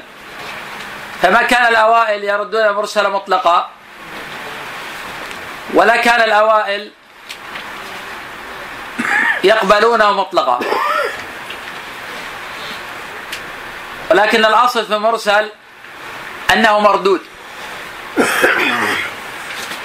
ولا يعني أنه إذا كان الأصل في المرسل الرد ألا يقبل شيء من ذلك. ويجب أن ننتبه وننبه دائما وأكرر أن حين نتحدث عن المرسل لا نقصد المرسل المصطلح عليه عند المتأخرين وهو من روى التابعي عن النبي صلى الله عليه وسلم. لا نقصد هذا المعنى. وأنا نبهت أكثر من مرة. فقد لا ينبه في المستقبل ينبغي التنبه من الآن. المقصود بالمرسل نحن نصطلح على ما عليه الأوائل. هو المنقطع. أن يعطيني خمسة أمثلة للمنقطع. نعم. سعيد منقطعة إيه أعطنا ما تستطيع. نعم. الله بن- نعم. أبي عبيده عن عبد الله بن مسعود أبو عبيده عن مسعود لكن هذا منقطع صحيح. لكن هذا مردود. مقبول. يعني عطنا منقطع تكون مردود. لكن ما مانع مثال صحيح طبعا. مراسيل الحسن عن ابن عباس وأبي هريرة. الحسن عن ابن عباس هذا مثال أول والحسن عن أبي هريرة مثال ثاني. وعمران. والحسن عن عمران على الصحيح هذا مثال ثالث. وعن سمرة في غير ما سمع. في غير ما سامع كحقيقه هذا مثال رابع. ما روى سعيد بن المسيب عن عن ابي عن عمر بن الخطاب رضي الله عنه سعيد سمع. سمع- سعيد سمع بعض الشيء. كل ما سمع بعض مجاهد عن سعد. جاد عن سعد صحيح. في رمينا في جمرة العقبة ستة أو سابع. أمثلة جيدة. طيب ما شاء الله. الأخ أعطنا خمسة. نريد خمسة أخرى. أعطنا خمسة. ومعنا. حط معنا الأخ. ساقها كلها. علقمة بن وائل عن أبيه. علقمة وائل عن أبيه الصحيح أنه سمع في مسلم. احتج في مسلم صحيحه. صح له الترمذي. لعلك تقصد عبد الجبار. لأن لعلقمة ابنان عبد الجبار و لوائل عبد الجبار وعلقمة. علقمة سمع على الصحيح وقول الأكثر. أما الذي لم يسمع هو عبد الجبار. نعم عبد الجبار عن أبيه منقذ صحيح. مثال ثاني. أنت التزمت تأتي بخمسة أمثلة. على واحد. على واحد؟ يلا على واحد عطنا الثاني جل مالك عن نعم. مالك. عن النبي. نعم. بس هذا منقطع بعيد يعني. ما في قريب. كم بين النبي بين مالك وبين النبي صلى الله عليه وسلم؟ نعم. ما في غيره؟ سعيد بن إبراهيم عن أبي موسى. أنا اللي نشير إليه ولا الذي عكرمة يجيب. نعم. عكرمة عمن عن ابن عباس. أكرم سمع من عباس هو من أصحابه.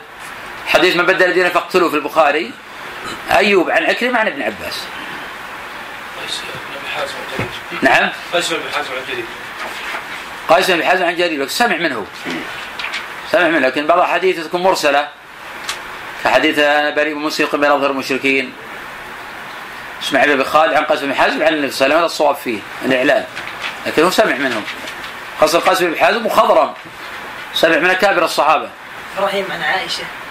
إبراهيم عن عائشة صحيح. هذا منقطع. علي بن طلحة عن علي بن طالب بن عباس في واسطة؟ ونعم صحيح عطاء بن السائب عن ابن عباس. عطاء بن السائب عن ابن عباس. حط مثال سعيد بن أبي هند عن أبي موسى. سعيد بن أبي هند عن أبي موسى الأشعري صحيح. عطنا خمسة رواه ضعفاء.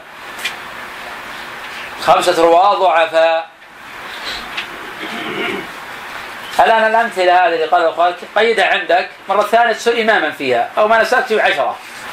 فهذا هذا هكذا تكون كما قال يقول العالم من جمع علم غير إلى علمه. والأمثلة هذه تبرزك تعطيك قوة. من حوشي شاب بن حوشة طبعا مختلف فيه لكن الصحيح إنه ضعيف. صدوق سيء الحفظ يضطرب في الاحاديث نعم. ليلى. نعم. عبد الرحمن بن أبي ليلى. عبد الرحمن بن أبي ليلى. أكيد. ضعفت أنت. أنا أكيد إني ضعفته. من إيش شدك إني ضعفه. الأخوان؟ لا لا حضرت هذا طيب من إيش شدك الاخوان حضر, حضر مثل ما حضرت. اصبر خلي شوف صحيح كلامه؟ أنا ضعفت عبد الرحمن بن ليلى؟ نعم. محمد. أنا ضعفت محمد ابن عبد الرحمن بن ليلى. عبد الرحمن بن ليلى إمام ثقة ثبت. يقول ادركته 120 من أصحاب رسول الله صلى الله عليه وسلم ومن رجال الستة. ثقة ثبت لا نزاع فيه. أنا ضعفت ابنه. محمد بن عبد الرحمن بن أبي ليلى الذي يقول شعبة عنه ما رأيت واحد اسوء حفظا منه طيب أنا اخطات أجل سيء الحفظ مشكله عرض ثالث. في راجل دائما نمثل به هو أشهر واحد حتى العامه تعرف حتى النساء تعرف رحمه الله. دائما نثني على فضله وعلمه وزهده وورعه لكنه في الحديث أصبح نارا على علم خمسة إيه نعم بس هذا ما اللي إحنا نتحدث عنه الآن. ما هو المقصود في ذهني؟ الحافظ الأعوان. لا لا. ولا هي عافية. لا الحدث العوار ليس كالبلا هيعة بلا خير من العرث العوار نعم حدث العوار مثال. مثال أخير خامس. أنا. إيه نعم أنت. عاصم بن عبد النجود لا عاصم بن صدوق. على الصحيح عنده حفظ لكنه صدوق. وحديث لا تذهب الليالي والأيام حتى يملك العرب رجلا لبيته لا هذا من طريق عاصم بن نجود رواه عن السفيانان نعم. ابناء زيد بن أسلم ثلاثة ابن زيد بن أسلم الثلاثة صحيح. صحيح. نعم. واسند الزوقات الترمذي قول الزهري لإسحاق بن أبي فروة قاتلك قاتلك الله تجيئنا بأحاديث ليس لها خطم ولا ز- لا ذمة يريد لا سند لها وهذا ذم لمن يرسل حديث حديث لمن يرسل حديث لمن يرسل؟ ولا عندك بياض أنت. هذا بياض نعم. ما رجعت من قبل؟ مراجع بس. ما تشوف البياض. شايف البياض لكن حسب فهمته حديث لكن ما حديث نعم. لمن يرسل أحاديث ولا يسنده الحديث. حديث الحديث. الحديث. وروى سلمة بن العيار عمن سمع الزهري يقول ما هذه الأحاديث تأتون بها؟ ليس لها خطم ولا خطم ولا أزمة يعني الأسانيد. وذكر الترمذي أيضا كلام يحيى بن سعيد ال- القطان في أن بعض المرسلات أضعف من بعض ومضمون ما ذكره عنه تضعيف مرسلات عطاء وأبي إسحاق والأعمش والتيمي ويحيى بن أبي كثير والثوري وابن عيينة وأن مرسلات مج- مجاهد وطاووس وسعيد بن المسيب وما ومالك أحب إليه منها. وقد أشار إليه إلى علة ذلك بأن عطاء كان يأخذ من من عن كل ضرب يعني أنه ضرب عن كل ضرب يعني أنه كان يأخذ عن الضعفاء. ولا ولا ولا ينتقي الرجال. وهذه العلة مضطردة مضطردة في أبي إسحاق والأعمش وال- والتيمي ويحيى بن أبي كثير والثوري وابن عيينة. فإنه عر- عرف عنهم الرواية عن عن الضعفاء أيضا. وأما مجاهد وطاووس وسعيد بن المسيب والمسيب ومالك فأكثر تحريا في رواياتهم واتقادا لمن يروون عنه. مع مع ان يحيى بن سعيد صرح بأن الكل ضعيف. وقال ابن أبي حاتم حدثنا صالح بن أحمد ابن ابن ابن حنبل حدثنا علي بن مد- بن المديني. قال قلت ليحيى بن سعيد ابن المسيب ابن المسيب من ما من هو يحيى بن سعيد هذا؟ لا قلت ليحيى فقط. نعم؟ قلت ليحيى إيه. سعيد. هو. هو قطان. لا صحيح قطان. قلت يحيى بن سعيد ثم يسأله سعيد بن المسيب يقول. صحيح. قلت ليحيى بن سعيد اللي ابن سعيد ابن ابن دائما آه، يحيى بن معين قاعدة. يحيى بن معين أحمد بن حنبل علي بن المديني عن يحيى بن سعيد هو القطان. ثلاثة من الأئمة الكبار توفوا في عام واحد من هم؟ هم أكابر أئمة ال- ال- العلم. يحيى بن سعيد الخطاب يحيى بن سعيد القطان. وابن عيينة. ابن عيينة. و صب ما شاء الله. واحد بس واحد.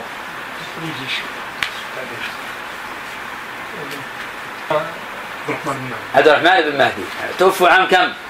198 198 الذي يرغب يا أخوان في مواصلة الضبط العلل وكذا ممكن نعطي نماذج على موارد وفيات يصير في انتقال لبعض الأخوة. الذي يرغب في ضبط العلل.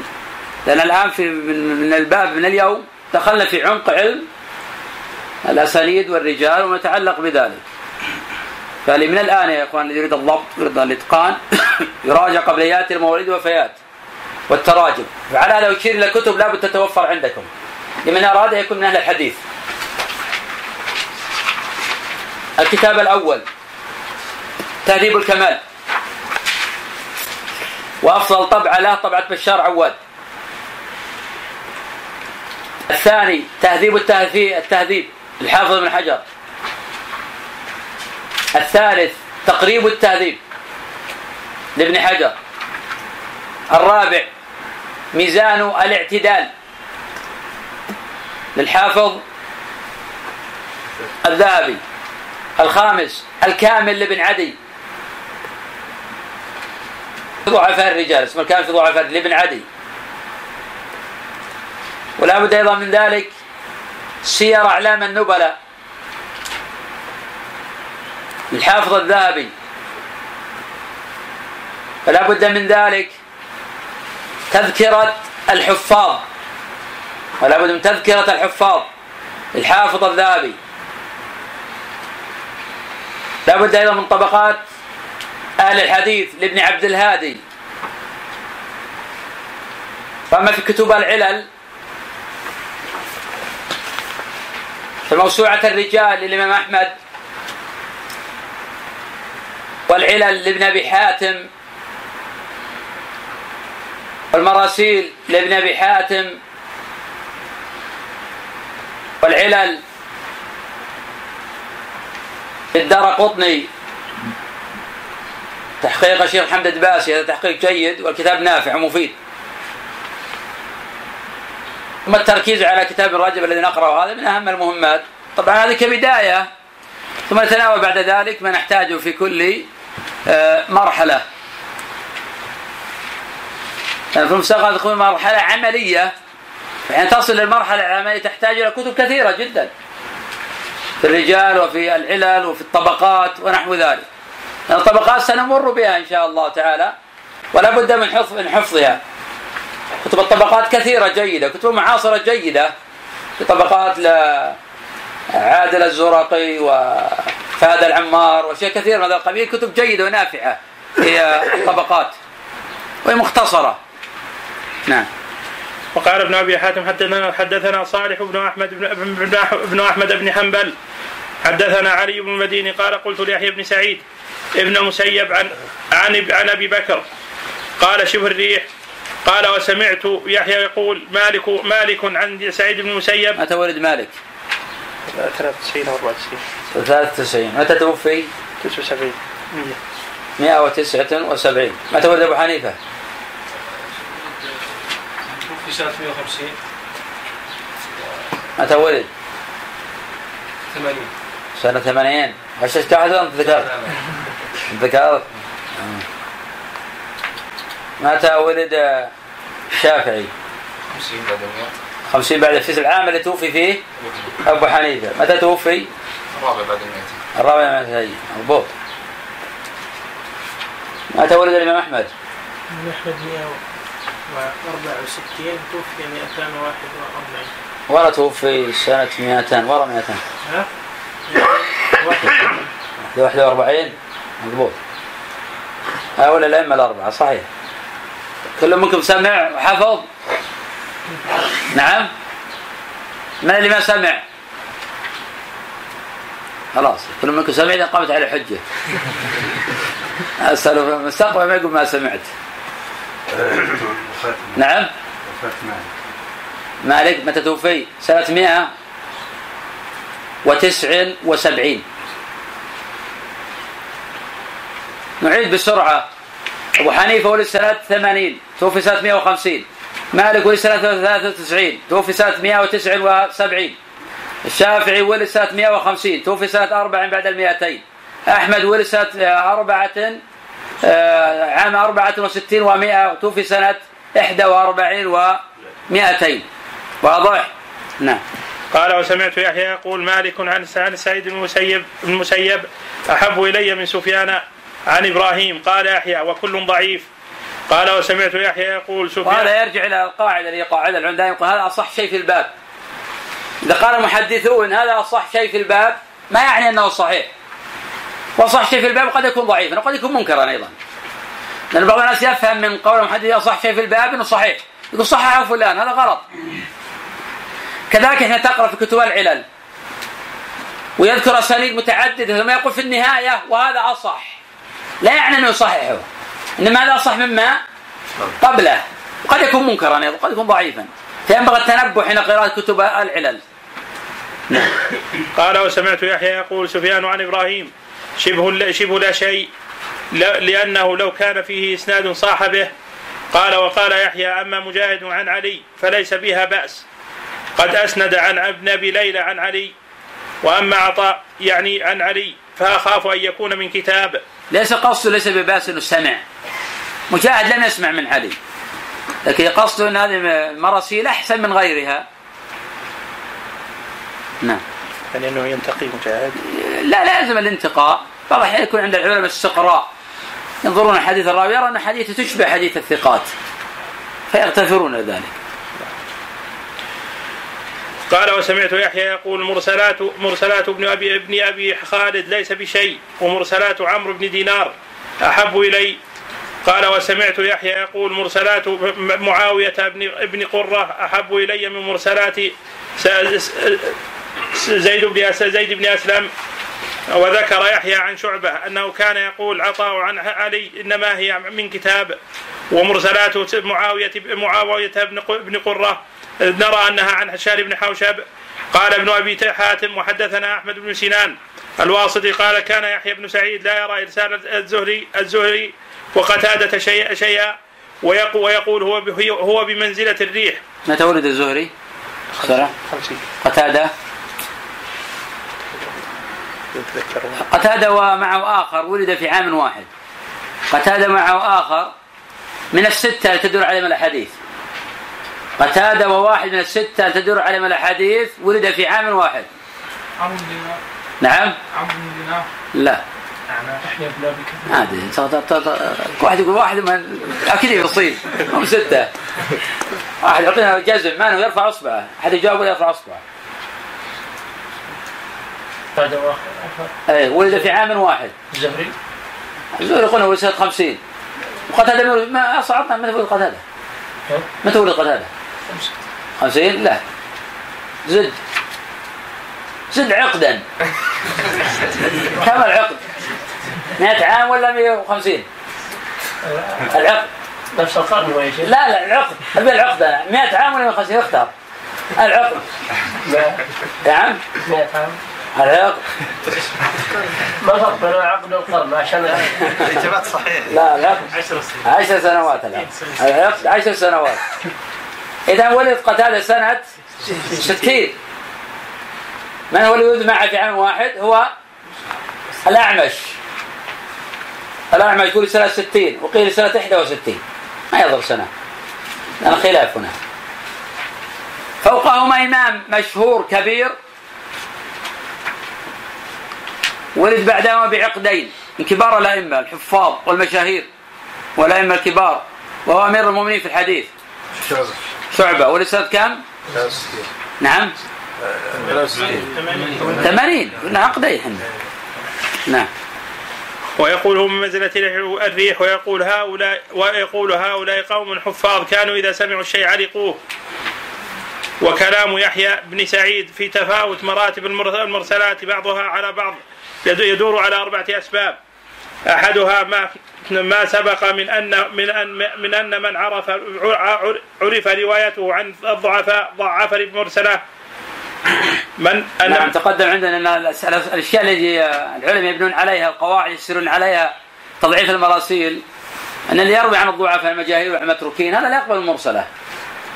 وإذا عرف أن الراوي لا يرسل إلا عن ثقة ولا يرسل عن ضعيف ولا عن مجهول اعتبر قوة مرسل ذلك وإذا قلنا أن الحفاظ اغتفر مراسيل بعبيده عن أبيه لأنه لا يرسل عن الضعفاء ولا عن المجاهيل إنما يرسل عن الثقات. فهذه من الأسباب التي آه، يبنى عليها حكم في هذه المسائل. نعم. والثاني أن من عرف من عرف له إسناد صحيح إلى من أرسل عنه فإرساله خير ممن لم يعرف, يعرف له ذلك.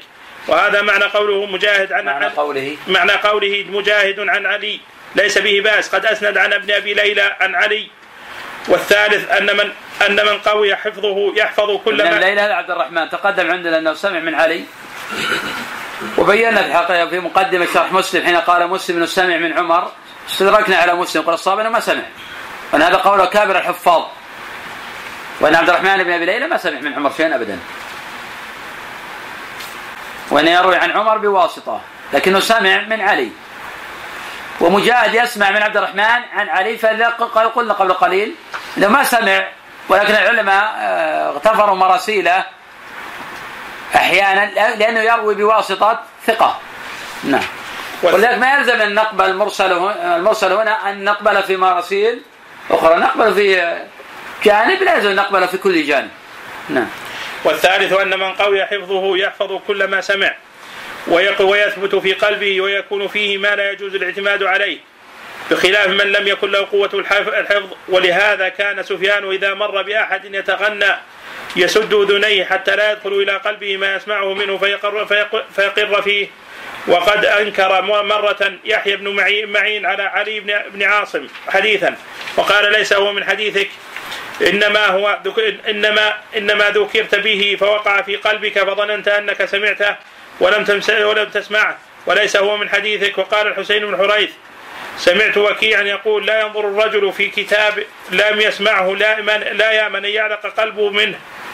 وقال الحسين بن الحسن المر... يعني فيخطئ إذا علق المريض يحدث يظن قد سمع وما سمع. تختلط عليها الأحاديث.